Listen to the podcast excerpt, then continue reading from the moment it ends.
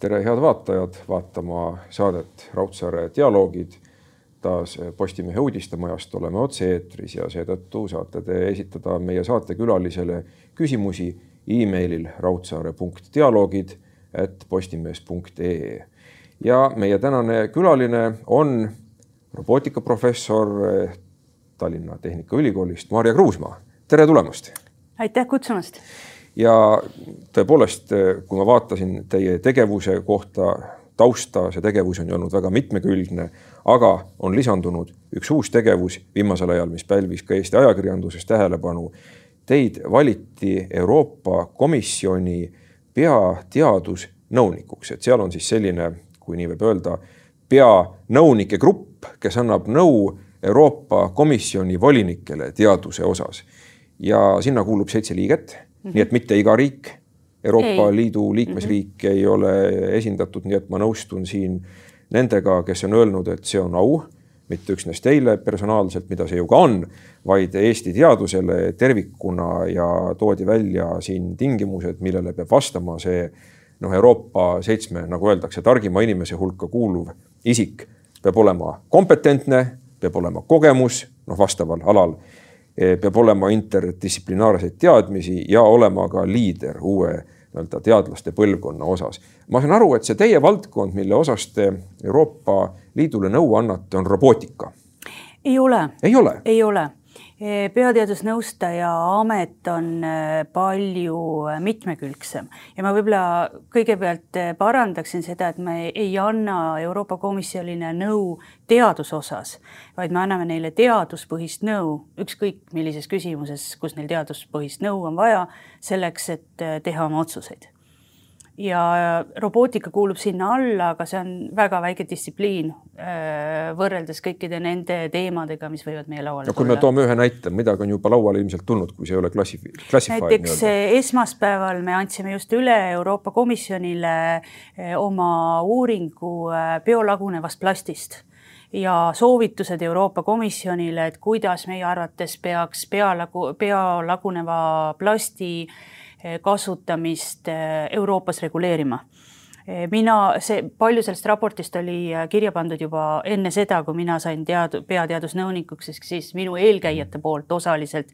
aga see on üks näide teemast, mis on tunduvalt laiem kui üks teadusdistsipliin ainult, aga mis on väga oluline Euroopa Komisjonile, et, et sellel hakkavad ju hiljem põhinema, loodetavasti hakkavad põhinema eh, meie regulatsioonid, et, et kuidas me neid materjale toodame, kuidas me neid kasutame, kuidas me neid käitleme ja nii edasi. no kindlasti oluline teema, kuid varem või hiljem tulevad ju ka robotid mängu, mis on ju teie põhi Eh, valdkond ja naljaga pooleks ju küsitakse ikkagi, et kuna robotid üle võtavad mm. meie tegevuse ja ma arvan, et mõnes valdkonnas, mis ei pruugi olla halb, on nad ammu ka selle inimese rolli üle võtnud, tehastes nüri töö, kui me mõtleme mm -hmm. Chaplini filmile, kus mehed olid konveieri taga ja tegid ühesuguseid liigutusi, mis ei ole minu meelest inimesele omane, et inimene on ei ikkagi ole, loov. ei ole, inglise keeles öeldakse ka niimoodi, et, et robotid peaksid töötama 3D keskkondades, et 3D siis sel juhul ei ole mitte kolmedimensionaalne, vaid see on äh, inglisekeelsetest esitähtedest dirty, dull and dangerous. ehk siis, siis must, räpane, ohtlik. Ja igav. ja igav ja., jah ja.. et äh, need sellised äh, töövaldkonnad, sellised tegevused alati alluvad kõige paremini mehhaniseerimisele, automatiseerimisele, robotiseerimisele ja üldiselt inimestel on hea meel ka, kui masinad selle töö meie eest ära teevad. kahtlemata, aga nüüd on tekkinud ju ka ikkagi muret inimestel kui me mõtleme sellisele üldlevinud hirmule, et ühel hetkel noh, me oleme näinud kõik filmi Terminaator näiteks, et ühel hetkel tekib. mina selline... ei ole. ei ole? no jutustan lühidalt ümber, Arnold Schwarzeneggeriga peaosas on seal siis üks tegelane, kes on ülivõimas ja uuemad mudelid, kus jällegi on Schwarzeneggeri nägu neile antud, on sellised, kui sa lööd nad, nad on sellised sulamist tehtud, lööd kildudeks, nad tulevad kokku uuesti ja noh, tapavad edasi mm. -hmm. et mida me ju praegu maailmas ka näeme, on autonoomsete relvasüsteemide tulek. Ja kus siiamaani küll on robotid, kui me mõt-, või need inimesed juhivad roboteid, kui me mõtleme droonidele. aga ühel hetkel võivad need süsteemid muutuda autonoomiseks, et kas, kas siin ei ole väikest ohtu peidus? Kindlasti see on igasuguse tehnoloogiaga see oht, et me ei tea täpselt, kuhu suunas see tehnoloogia areneb. ja mina olen seda meelt, et tehnoloogia kasutamist peaks kindlasti reguleerima, aga seda ei tohi üle reguleerida. et kui seda üle reguleerida, siis me tegelikult jätame kasutamata paljud võimalused, mida see tehnoloogia võiks meile anda, et kuidas meie elu mugavamaks, lihtsamaks, ohutumaks teha ja, ja samas mingisugused äh, reeglid peavad meil siiski olema, et äh, tegelikult neid ei maksa üldse kaugelt otsida, kui te sõidate oma autoga, siis ilmselt see teie auto spidomeeter näitab seal, et teie auto võiks sõita umbes kahesajaga. millegipärast näitab seda jah. eks olete te proovinud ka? parem ma sellele ei vastaks praegu no ütleme, et ta sõidaks kahesajaga, te linnas, linnas seda ei proovi, eks ole, et hoolimata sellest, et tehnoloogial on see võimekus olemas Eh, on millegipärast inimesed välja mõelnud, et, et kogu seda tehnoloogia võimalust ära kasutada antud juhul ei ole arukas. ja me oleme alati tegelikult tehnoloogiat reguleerinud ja tegelikult küsimus ei olegi selles, et kas me reguleerime või ei me reguleeri, vaid millise piirini me anname siis inimestel vabaduse, millise inimese me anname võimaluse ka läbikukkumiseks et noh, teinekord me tahame lihtsalt katsetada seda tehnoloogiat ja vaadata, et, et kas tuleb midagi välja, millest me enne ei teadnud mitte midagi. me võtame teatud riskid alati selle tehnoloogia kasutamisega. see on paratamatu.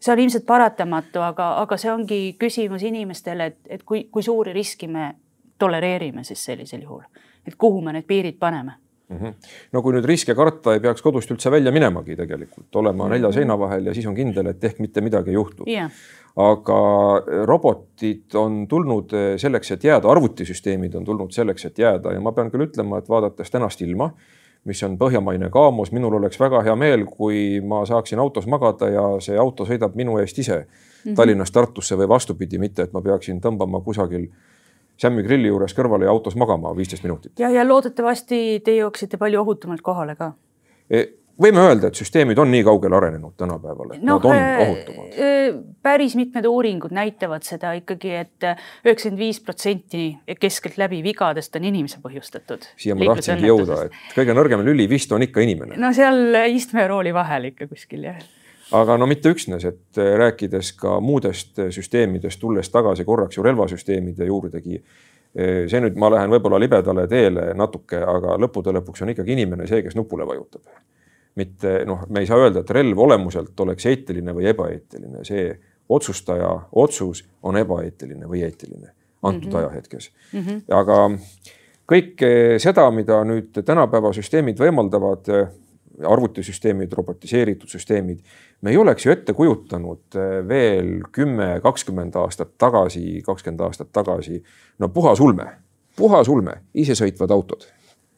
on tegelikult puhas ulme, iseseisvad autod ulmes oli äh, väga ammu juba selline, no ma ütleks niisugune leitmotiiv täiesti. seda küll. et see ongi selline nagu, ma ei oska öelda, et selline nagu sümbol, millega tulevikku kujutatakse. Blade Runneris näiteks olid ka iseseisvad autod. ja ka ise lendavad autod. ise lendavad autod olid ja. just nimelt, et, et see on pigem nagu selline sümbol eh, sümbolväärtusega peaaegu, et kunagi tulevikus on meil isesõitvad autod, mina ise lendavad autod või isesõitvad autod, et et äh, võib-olla isegi ei ole, sellepärast et seda ei ole kasulik teha, eks ole, aga ta on kuidagi meil sellise märgilise tähendusena.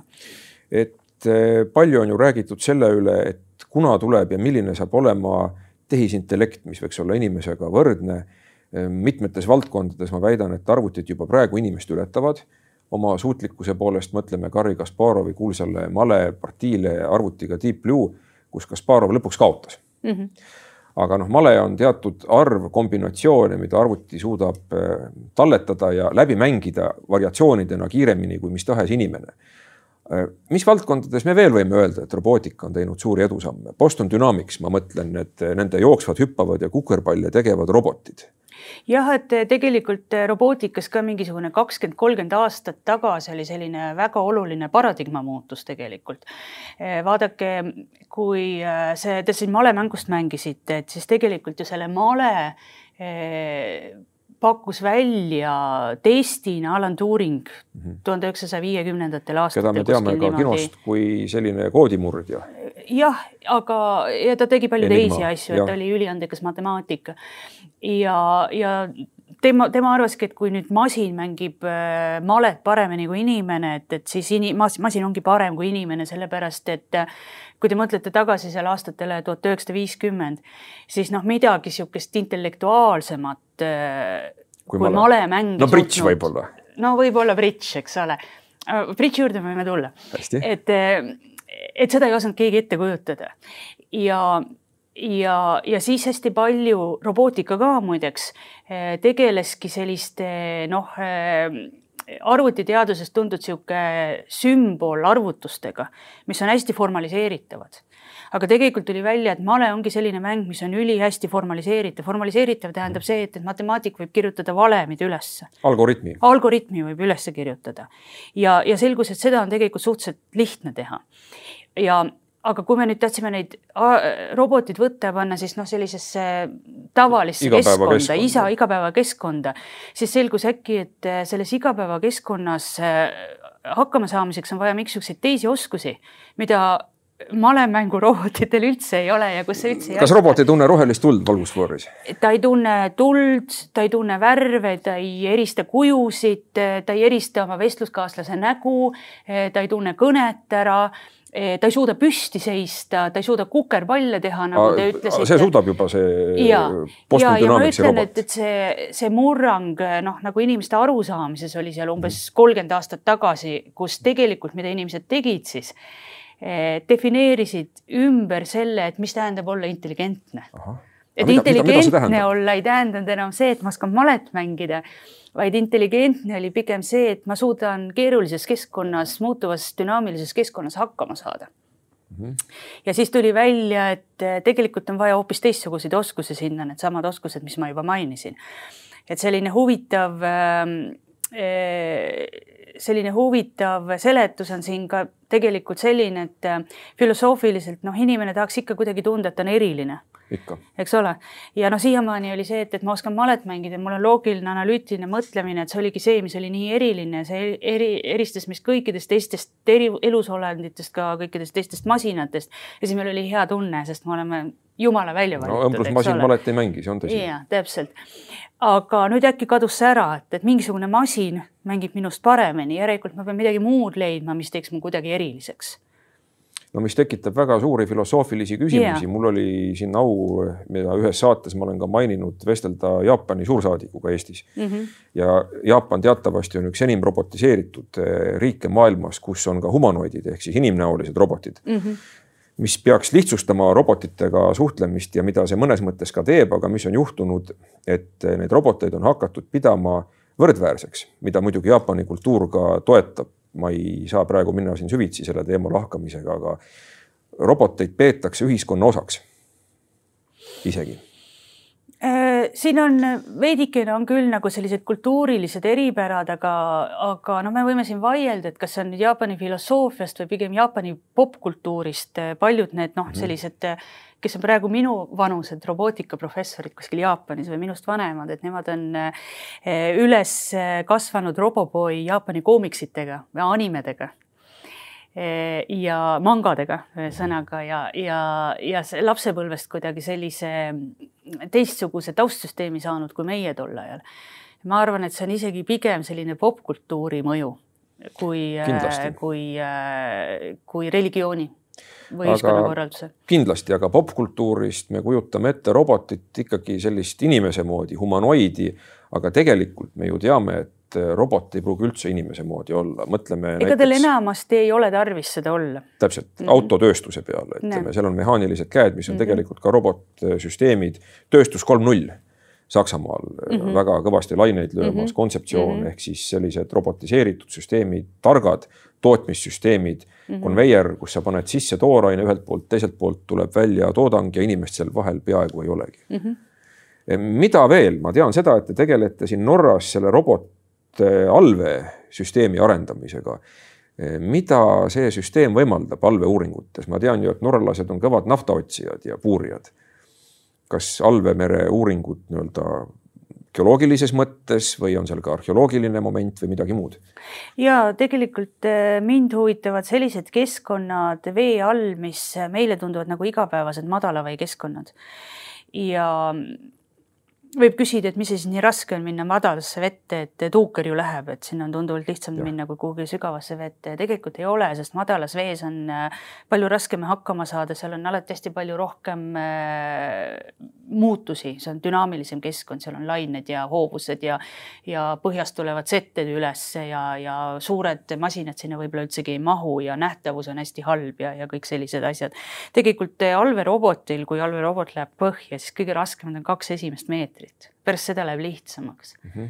et see on selline keeruline keskkond, kus kogu aeg midagi muutub, et seal proovige ise näiteks äh, minna ujuma suvel lainetega, et kui hästi te tegelikult oma keha kontrollite seal lainetuses, et mitte eriti hästi. ja loomad täpselt samamoodi, et, et see on selline väljakutse, mis on äh, mis on inseneri ja, ja teadusväljakutse just, et, et kuidas teha selliseid roboteid, mis on hästi manööverdumisvõimelised, suudavad tasakaalu säilitada, suudavad äh, näiteks ühe koha peal püsida, kui -hmm. vaja on ja nii edasi. siin võib analoogia tuua, nagu teie räägite sellest Boston Dynamicsist, et äh, kui te teete kukerpalli robotiga, et kuidas te pärast jalgadele maandute, kuidas te seisma jääte äh, selle. kuidas see tehtud on, see on uskumatu mm, -hmm. see video robotile löödi kaikaga jalgesse, ta kukkus pikali, ta tegi hüper, õhus tegi hüperpalli, hüppas ja maandus jalgele. nagu, nagu paremad olümpia äh, atleedid, mina näiteks seda ei oska, keegi mulle kaikaga jalgesse lööb, ma kardan, ma kukun lihtsalt pikali. Ja e, see ongi keeruline mitmes mõttes. tegelikult, mis selle, selliste robotite taga on, on terve niisugune inseneri või matemaatika distsipliin, mille nimi on automaatjuhtimisteooria. Ja see on hästi-hästi matemaatiline distsipliin, ma arvan, et, et need inimesed, kes seal töötavad, noh, teoreetiliste probleemidega on tegelikult paremad kui võib-olla matemaatikud, nad on rohkem matemaatikud kui mõni matemaatik. ja, ja miks see veel keeruline on, et et seda kõike peab tegema, nagu öeldakse, reaalajas, et ja. meil ei ole väga palju aega, et neid arvutusi teha, me peame neid hästi kiiresti tegema, eks ole aga kust ta aru saab, mis on üleval, mis on all, kas tal on güroskoop sees? tal on güroskoop ja paljud teised andurid sees, et eh, mis näitavad jah, gravitatsiooni välja, aga sellest ei ole piisav, tal on kindlasti ka mingisugused andurid, mis mõõdavad jõudusid, et kui ma maapinnale kukun, kui suur see jõud täpselt on, millega ma maapinda puudutan. ja, ja samuti, et kui palju ma siis kõigun, eks ole, et, et seda saab siis ka äh, güroskoopidega ja kiirendusanduritega. aga see on nüüd mäng kuival maal, et kui me läheme vette tagasi, mis on no, seal mul lihtsalt, siis on mul lihtsalt kuus vabadusastmet nelja asemel, et kui mul on Aha. maa peal kõndides natuke vähem, siis vees läheb see natuke keerulisemaks ja, ja vees läheb ka keerulisemaks või on teistsugune see, et, et äh, gravitatsioon ei mängi eriti suurt jõudu siis, et äh, mul on küll mass ja mul on inerts, aga ma ei kuku allapoole tingimata, et see teeb probleemi natuke teistsugusemaks jah, et see on pigem sarnane sellele, kui ma töötaksin näiteks kosmoses kaalutolekus no selle tõttu ju treenitaksegi kosmonaute ka basseinides, mis on kaal ja. palju väiksem. ja, ja, ja teine ja, ja teine oluline erinevus on see, et, et vesi on kaheksasada korda tihedam kui õhk. see tähendab, et äh, kõik need jõud, mis minule seal mees mõjuvad, on väga suured võrreldes sellega, kui nad on õhus. kui ma teen õhus näiteks mm -hmm. neid oma algoritme, siis ma võin selle õhumõju lihtsalt enamasti jätta arvestamata, kui see ei juhtu just väga suurel kiirusel.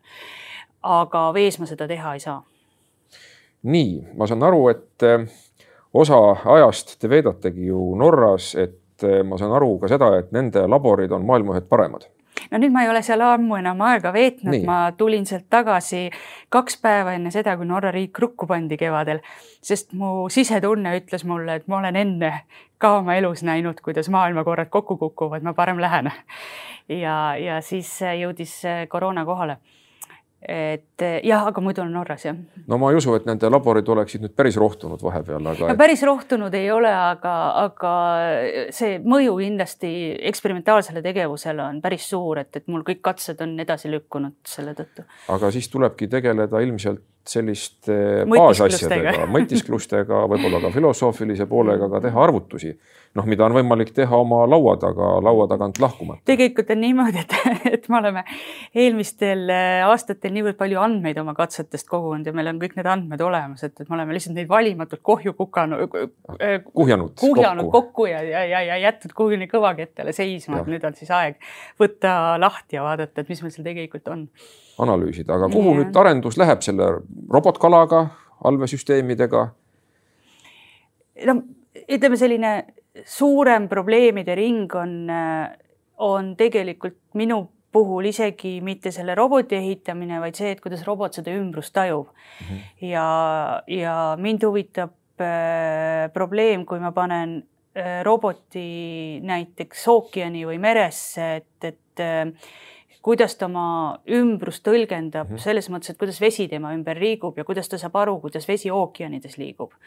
Et kas äh, seda informatsiooni saab kasutada ka näiteks selleks, et ookeane uurida? hoovuseid. hoovuseid lainetusi, äh, turbulentsi mm. -hmm. no see on väga tähtis teema, tuletame meelde ju tsunamisid äh, ja mitte ainult, kuidas ookeanid käituvad hoovuste mõttes, see mõjutab kliimat, see aitab meil paremini mõista, mis toimub kliimaga. kui me teame, kuidas vesi tsirkuleerib ookeanides.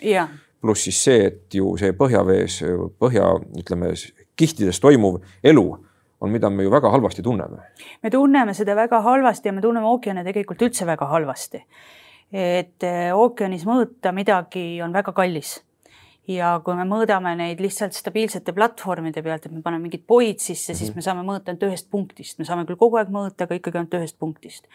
et siis robot oleks lihtsalt selline, selline andur, millel on käed ja jalad küljes nii-öelda või noh, uimed või propellerid, mis lihtsalt käib selle ookeani läbi ja mõõdab igalt poolt, kus on vaja mõõta ja, ja kogub neid andmeid kokku. ja ta on piltlikult öeldes selline kaardistaja ta on selline kaardistaja, ta on selline ookeani kaardistaja, jah. kui me läheme tagasi Bellingshauseni aegadesse, te ise sõitsite ju ka mm -hmm. Bellingshauseni laevaga mm -hmm. kaasa seal üksjagu.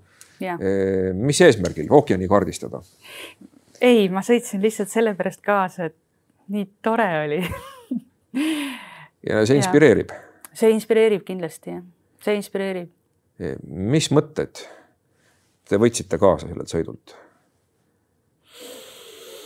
Oi, ma võtsin palju mõtteid sellest sõidult kaasa, aga, aga mingi selline, võib-olla selline leitmotiiv, et äh, ookean on, on mõnes mõttes väga suur ja mõnes mõttes väga väike, kõlab väga triviaalselt, aga, aga, aga ookeanid ühendavad mm. -hmm. et ookeanid tegelikult on kõik needsamad maailma meres ja, ja kõik need asjad on omavahel ühendatud kuidagi see on hästi keeruline süsteem, kus, kus kõik osad omavahel on ühendatud. ja see, see, need mõjud võivad olla viitega, aga need mõjud on seal kuskil kindlasti olemas ja, ja, ja kui sa lähed äh, Lõuna-Ameerikasse, kus ma muideks varem ei olnud mitte kunagi käinud ja siis me käisime seal ka Lõuna-Ameerika Teaduste Akadeemiates ja, ja rääkisime inimestega, siis selgus, et nende ookeanidega seoses neil on täpselt samad mured, täpselt samad probleemid Eh, see, mis toimub siin, toimub tegelikult seal ka. et kuidagi äh, jah, mingis mõttes jäi niisugune tunne, et maailm on ikkagi väga väike, hoolimata sellest, et need äh, vahemaad, mis sa läbid, eriti purjeka peal on äh, nagu tegelikult jube suured, et sa muudkui sõidad ja sõidad ja sõidad, et kui sa lennukiga lähed neljateist tunniga teisele mandrile, siis seal sa nagu tunned, kui suur see tegelikult on, kuidas see kõik võtab aega, et sa jõuad ühest kohast teise no ja, ja laeva peal sellises olukorras igapäeva askeldustest eemal on võimalik mõelda selliseid äh, rahulikke mõtteid, korrastada oma nagu see Sherlock Holmes ütles, et mind palace nii-öelda seda vaimu, vaimupaleed. aga seda tehes loomulikult tulevad ju ka filosoofilised mõtted ja kui ma tahan tagasi tulla korraks Euroopa Komisjoni, Euroopa Liidu juurde, kus tänu koostööle taanlastega ma olen natukene saanud ju käia ja näha seda asja kõrvalt, mis seal toimub mm. -hmm siis äh, Euroopa Liidus on väga palju inseneeriat, tehnokraate, on, on olnud vähem, kui me vaatame ka rahaeraldusi, äh, sotsiaalteadusi ja filosoofiat, aga kui me mõtleme hetkeks oma vestluse varasema etapi peale, et inimene, see on see kõige nõrgem, aga võib-olla kõige tähtsam lüli mm, -hmm. kuna me teeme ju kõike lõppude lõpuks inimese heaks, mitte mm -hmm. robotite heaks mm -hmm. iseenesest. et äh, äkki peaks olema tasakaalustatud lähenemine seal siis, et ühelt poolt on need inseneeria inimesed ja teiselt poolt filosoofid, kes ütlevad, et äh, kuidas näiteks küsimus, väga lihtne küsimus, kas me robotit peaksime jalaga lööma või mitte, äkki tuleb vastu? no minu meelest ei pea asju jalaga lööma, üldse ei ole ilus masinaid jalaga lüüa.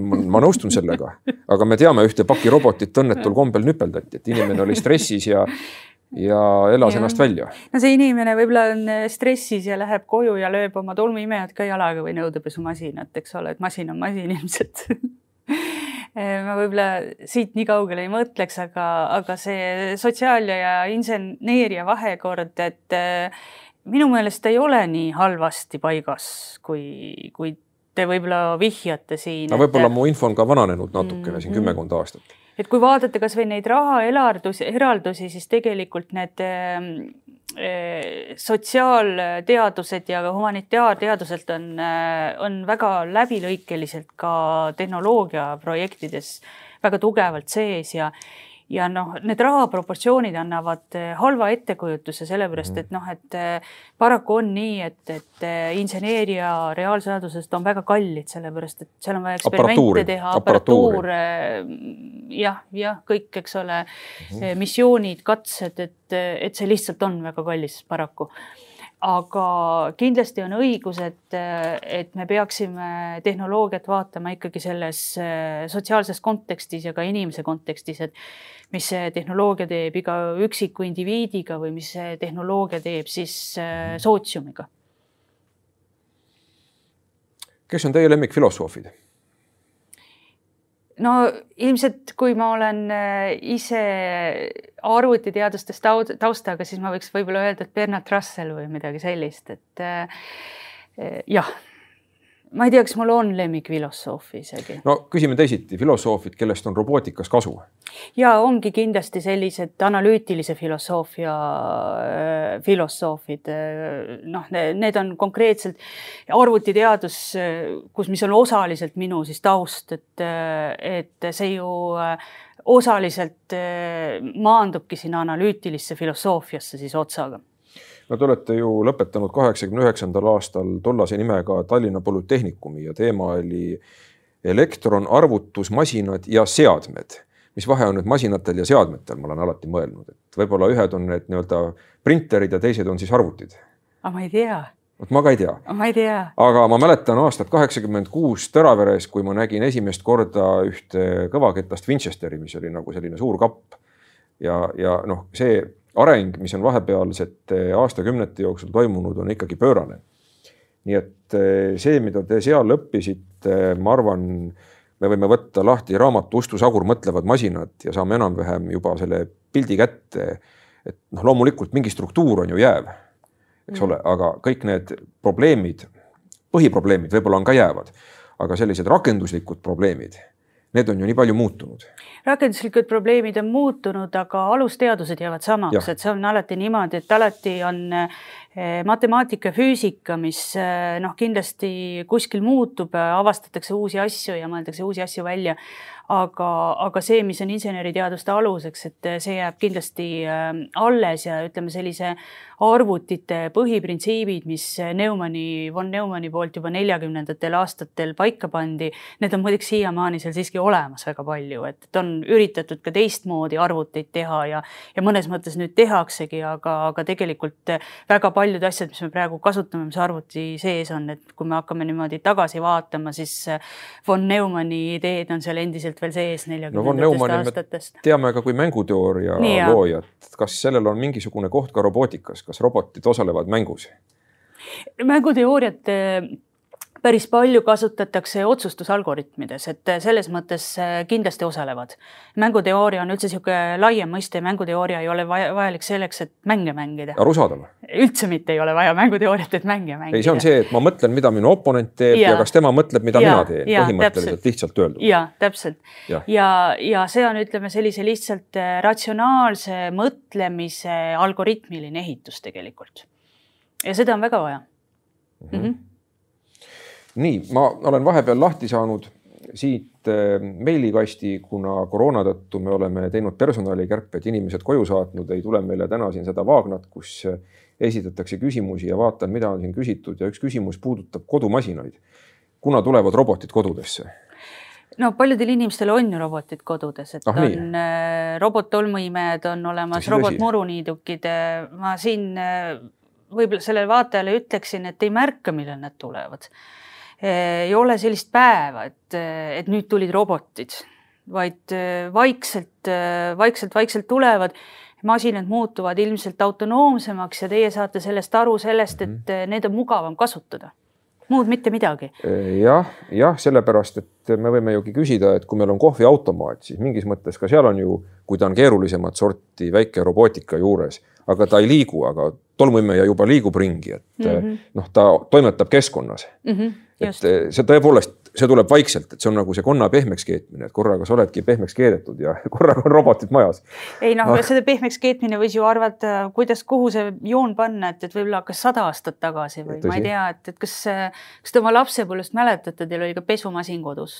Riiga. sihuke käis ringi. oo oh jaa, see oli selline silindrikujuline. silindri, oh mul oli samasugune. jah ja, ja., tal oli ka selline ja, oli küll, värk, millega ja, sai oli, pesu aga see oli hästi kasutu nojah, mina seda sellega ei kasutanud. sellega ei saanud üldse midagi kuivatada okay., tegelikult oli ikkagi parem pärast kätega välja okay. väänata. no vaadake, kus me jõudnud oleme praegu. no ja, see on tõesti ikkagi väga-väga suur äh, areng. ja ma ei ma usu küsin..., et keegi kardaks pesumasinat, et millal pesumasinad tulevad ja võtavad. aga oleks tulnud karta Maljutka, see on tapnud paljugi inimesi, kuna maandus oli kehv. aga seetõttu lihtsalt me ei peakski roboteid kartma, kuna seal on kõik läbimõeldud eeldatavasti. no ma arvan, et see töö, tööohutuse ohutus on kindlasti praegu tunduvalt paremal tasemel, kui Riigadel oli. tõsi, tõsi. ma küsin ise vahele niisuguse küsimuse, et ähm, ulmes on robootikaga ja robotitega palju tegelenud Isaac Asimov, tuntud ulmekirjanik ja tema on sõnastanud robootika kolm põhiseadust ja hiljem ka tegelikult seaduse null et äh, robotid peavad tegema head inimkonnale, ütleb see kõige baasseadus, aga siis tema esimene robootikaseadus, see klassikaline seadus ütleb, et robotid ei tohi inimesele halba teha. kui me nüüd roboteid arendame, kas me kuidagi ka need seadused või mingisugused muud seadused sinna sisse programmeerime um...? Me tegelikult pro programmeerime kogu aeg seadusi sisse ja see seadus, et robot ei tohi kellelegi halba teha, on seal ilmutamata kujul ju kogu aeg sees. et eh, me, me ju ehitame kõiki asju niimoodi, et nad oleks turvalised. noh, kui me ehitame sildasid või kui me ehitame maju, siis meil ei ole ju äh, mingisugust kolme Asimovi teadust, et maja ei tohi kokku kukkuda, et noh, see on ilmutamata kujul on igal pool sees.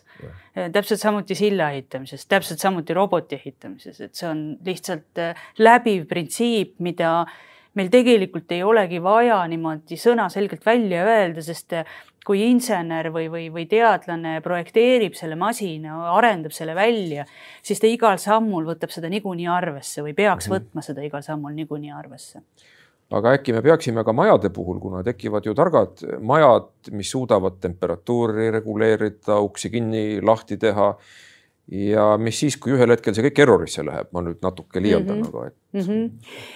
meil ja. peab olema see tagauks, et kust me ikka välja saame kirkaga vajadusel e, tegelikult, e, kui vaadata üldse, millega teadlased siin tegelevad viimased kakskümmend aastat, siis üks teadusvaldkond ja tehnoloogia valdkond, mis e, saab aina enam tähelepanu, on turvalised ja usaldusväärsed tehnoloogilised süsteemid, kas siis IT-süsteemid või tavaliselt IT kontekstis räägitakse turvalistest ja usaldusväärsetest süsteemideks. Ja miks just selles kontekstis? see on sellepärast, et et IT on hästi kiiresti arenev teadus. Ja see on tõesti nagu lihtsam midagi teha, proovida ja siis pärast vaadata, et ai, ai, ai ei tulnud välja, eks ole, et, et see noh, töötamise kiirus on hästi-hästi kiire ja teine põhjus selles, et, et need süsteemid võivad minna väga-väga keeruliseks et kui sul on näiteks selles süsteemis, kogu süsteemis on kolm elementi, siis on väga lihtne aru saada, et kuidas need kolm elementi üksteisega suhtestavad, mis siis juhtub, kui üks ära äh, kukub. aga kui need on kolmkümmend tuhat või kolmsada tuhat, siis neid omavahelisi seoseid ette kujutada, mis hakkab juhtuma, kui mõni äh, komponent äh, enam ei tööta, see on tunduvalt keerulisem. ja, ja ma ütleks, et see on isegi täiesti arenev omaette teadusharu ja me näeme seda tulevikus veel rohkem et see ongi omaette problemaatika, millega tegeletakse mm. -hmm. siin on tekkinud selline küsimus, et eh, kas Eesti peaks investeerima robootikasse? Ja eh, kindlasti peaks, eh, Eesti peaks olema nii palju nutikas ka, et ta valib mingisugused võib-olla alad välja, kus meie jaoks on eriti oluline nendesse, nendesse valdkondadesse investeerida no te olete ise öelnud ühes intervjuus nõnda, et kui meil ei ole automatiseerimist, kui meil ei ole võõrtööjõudu, kui meil ei ole lapsi, siis me oleme vaesed vaeses riigis. Ja see on ka valik. No absoluutselt, aga siin äh, mul ei ole poliitiline saade, minemata poliitikasse, aga on mõned poliitikud, kes on öelnud, et me suudame võõrtööjõu täielikult asendada robotitega. ma ei tea, kas see on võimalik, ma kahtlen selles natuke, kuna kõiki töid ei suuda robotid teha. no jah, e, kõike ilmselt mitte. E, mingil määral lihtsamad tööd, sellised e, tööstuse automatiseerimine on kindlasti teema, mis äh, tunduvalt meie konkurentsivõimet niikuinii tõstaks, mitte ainult võõr, võõrtööjõudu vähendaks, et tal mhm. oleks kahtepidi head efekti. me ei, me ei pea võõr, äh, võõrtööjõudu sisse tooma, mis väga paljudele inimestele muret teeb, kui nad massiliselt tulevad, aga samas tootmine muutuks nii palju efektiivsemaks, lisaväärtust suudetakse rohkem teha Eh, aga on tööd, mida me ilmselt nii hästi automatiseerida ei suuda, kui meil on näiteks ikkagi arstidest puudu või eh, meil on puudu ka võib-olla noh, näiteks tarkvaraanalüütikutest, siis äh, praegu kuskil horisondil ei ole sellist äh, lihtsat robotit või, või peaaegu juba valmis robotit, mis me saame osta ja kuidas me saaksime need asjad lihtsalt ära automatiseerida. aga, aga võib-olla ei tule vaataja tihti ka selle peale, et, et mõned väga lihtsad tööd on ka raskesti automatiseeritavad nagu tegelikult nagu ma ei oska öelda näiteks mingit koristustööd, et ma noh, teinekord vaatan siin endal ülikoolis, et kuidas koristaja käib lapiga ringi ja ja need liigutused, mis ta teeb, eks ole, pühib siit või sealt või kolmandast kohast, et kuskilt asjade vahelt või tagant või tõstab üles ja siis ta suudab nagu otsustada, et kust üldse võib ja kust ei või koristada, et see nõuab tegelikult väga head käelist osavust ja, ja intellekti ka, et ei tasu üldse selliseid inimesi mitte alahinnata. rääkimata nüüd näiteks sellistest oskustöödest, nagu me näiteks haiglas näeme, et isegi sanitaritöö on tegelikult niivõrd keeruline automatiseerimise seisukohast, et äh, mina ei näe mingit lihtsalt võimalust, et, et võiks kohe tulla robotid ja, ja me saaksime inimestest lahti, et, et see on raske töö ja, ja see on tegelikult väga keeruline töö. see viib mõttele, et homo homini inimeselt inimesele, et kõik, mis on seotud vahetult inimesega, seda on raske automatiseerida, inimese hooldamine haiglas või tema elukeskkonna koristamine See... kuigi meil on need äh, tolmuimejad, ümmargused. ja et äh, kindlasti on see, üks on see suhtlemise äh, aspekt, et väga raske on kujutada ette, et me automatiseerime ära õpetamise või psühhoteraapia näiteks või, või mõne sellise ala, kus kogu mõte ongi selles, et sa suhtled inimeselt inimesega, eks ole. aga ka sellised tööd, mis nõuavad väga head näiteks käelist osavust, tunnetust, eh, kontekstist arusaamist, eh, need on ilmselt, eh, ma ei ütle, et mitte kunagi, aga ilmselt kauges tulevikus võimalikud mm. -hmm nii et me näeme siiski süsteemide keerulisemaks muutumist, aga tulles selle küsimuse juurde tagasi, mida siin vaataja küsis natuke teises variatsioonis. me teame, et ei ole olemas Eesti teadust lahus maailma teadusest mm. ja seetõttu ei ole olemas ka Eesti probleeme lahus maailma probleemidest, nagu me merereisi puhul nägime, et need mereprobleemid, ookeani probleemid on samad nii Argentiinas kui Eestis, noh, globaalses mõttes mm. -hmm aga samal ajal ikkagi on mingisugused kohalikud eh, kingad, mis meid natukene ka pigistavad, need konkreetsed eh, spetsiifilised eh, probleemid. ja mõeldes sellele, kuidas nüüd tabada kahte kärbest ühe hoobiga, ühelt poolt teha head, nii-öelda ehitada valmis see Kärevere sild, piltlikult öeldes, mida omal ajal Tartu Ülikooli insenerid aitasid teha mm. -hmm. mis küll hiljem kokku kukkus minu meelest, siis ehitati uus aga kokku kukkus mitte inseneride tõttu, vaid ehitaja varastas sealt ära osa materjali. Seal Jumal oli suur tänatud, kohtuprotsess. Tehnikaülikooli insenerid olid, tegid oma tööd siiski hästi. Ja et kuidas tabada siis seda kahte kärbest ühe hoobiga, ühelt poolt, et lahendada need Eesti väikesed probleemid, teha see Kärevere sild valmis, aga samal ajal pakkuda midagi maailma teadusele, lahendusi ka maailma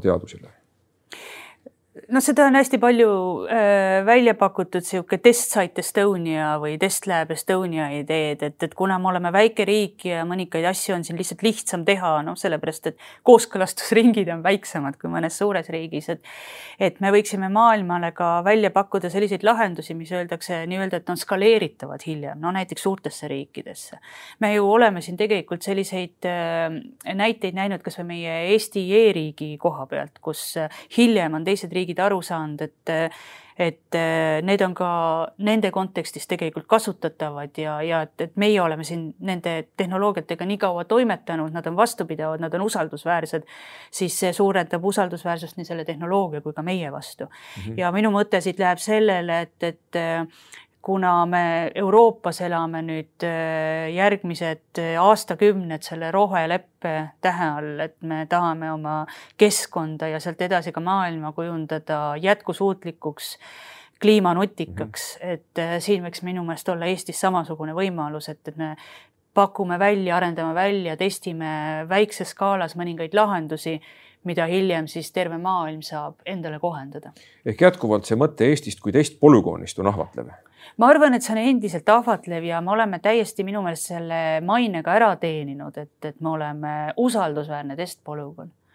usaldusväärne, mis mõttes? usaldusväärne selles mõttes, et, et need tulemused, mis siit tulevad, selle testimise käigus ei ole kuidagi manipuleeritud mm. -hmm. et eh, nad järelikult töötavad ka igas teises demokraatlikus riigis, me oleme täiesti normaalne, täiesti keskmine demokraatlik riik kui nad siin toimivad, siis nad võiksid toimida ka kuskil mujal. Eh, küsimus on selles, et, et kas ta toimib ka suuremal skaalal mm, -hmm. ühe miljoni asemel näiteks viiekümne miljoni isega riigis no seal võivad tekkida ühel hetkel ikkagi skaleerimisel ehk väikse süsteemi pealt suure süsteemi peale minemisel ettenägematud probleemid mm. -hmm. ja ma mõtlen eh, Brasiilia pealinna Brasiil peale, mis ehitati kuuekümnendatel Amazonase džunglisse mm, tulevikulinnana kus planeeriti. mis sest saanud on? probleemid on ja siia ma tahtsingi jõuda, et liiklusskeemid ehitati sellisena, et ummikuid vältida. aga see oli tolle aja liiklustiheduse ja tolle aja linna suurusega arvestades nii võimalik, olid mitmetasandilised liiklussõlmed.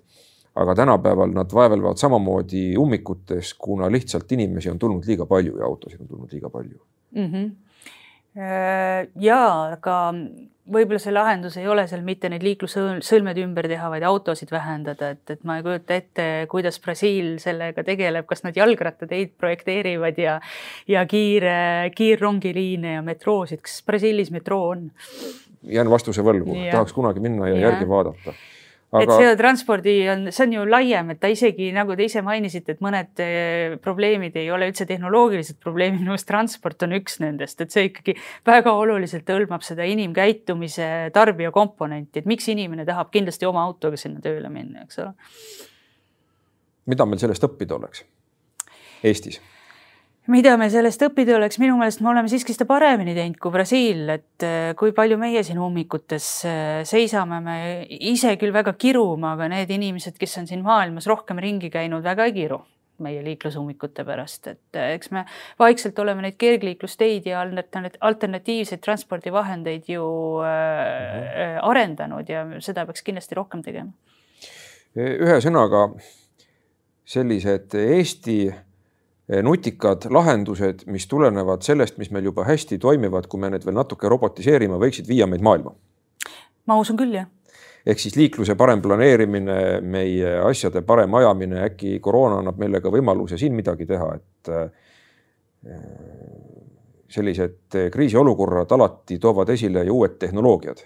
no aga koroona on ju tegelikult tõestanud ka seda, kui, eh, kui mõistlikud on olnud meie e-riigi lahendused kõik see, riik ei hakanud, lakanud ju hetkekski töötamast, sellepärast et oli, oleks kinni olnud näiteks äh, PPA, äh, Piirivalve, Politseiamet või, või, või mingisugused muud ametid, kõik asjad sai ju online ära ajada, täpselt nii, nagu me seda enne oleme teinud, et et see peaks olema veel üks tõestus, kuidas selline riik on tegelikult palju rohkem töövea ja tõrkkindel see on tõdemus, millega mul meeldib ka meie tänane saade kokku võtta, et me võime tunda rõõmu vaatamata sellele hämule, kaamosele, mis meid ümbritseb ja sellele, et on koroonaaeg, et me elame siiski Eestis, kus väga paljud asjad on lihtsad inimeselt inimesele ja kui me natukene saame sõbraks robotitega, milles ma ei kahtle, et me saame,